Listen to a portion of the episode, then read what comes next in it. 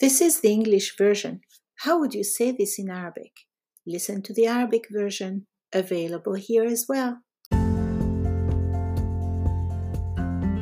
I learned how to shorten pants by sewing a zigzag along the side of each leg, which is much easier than making a regular hem.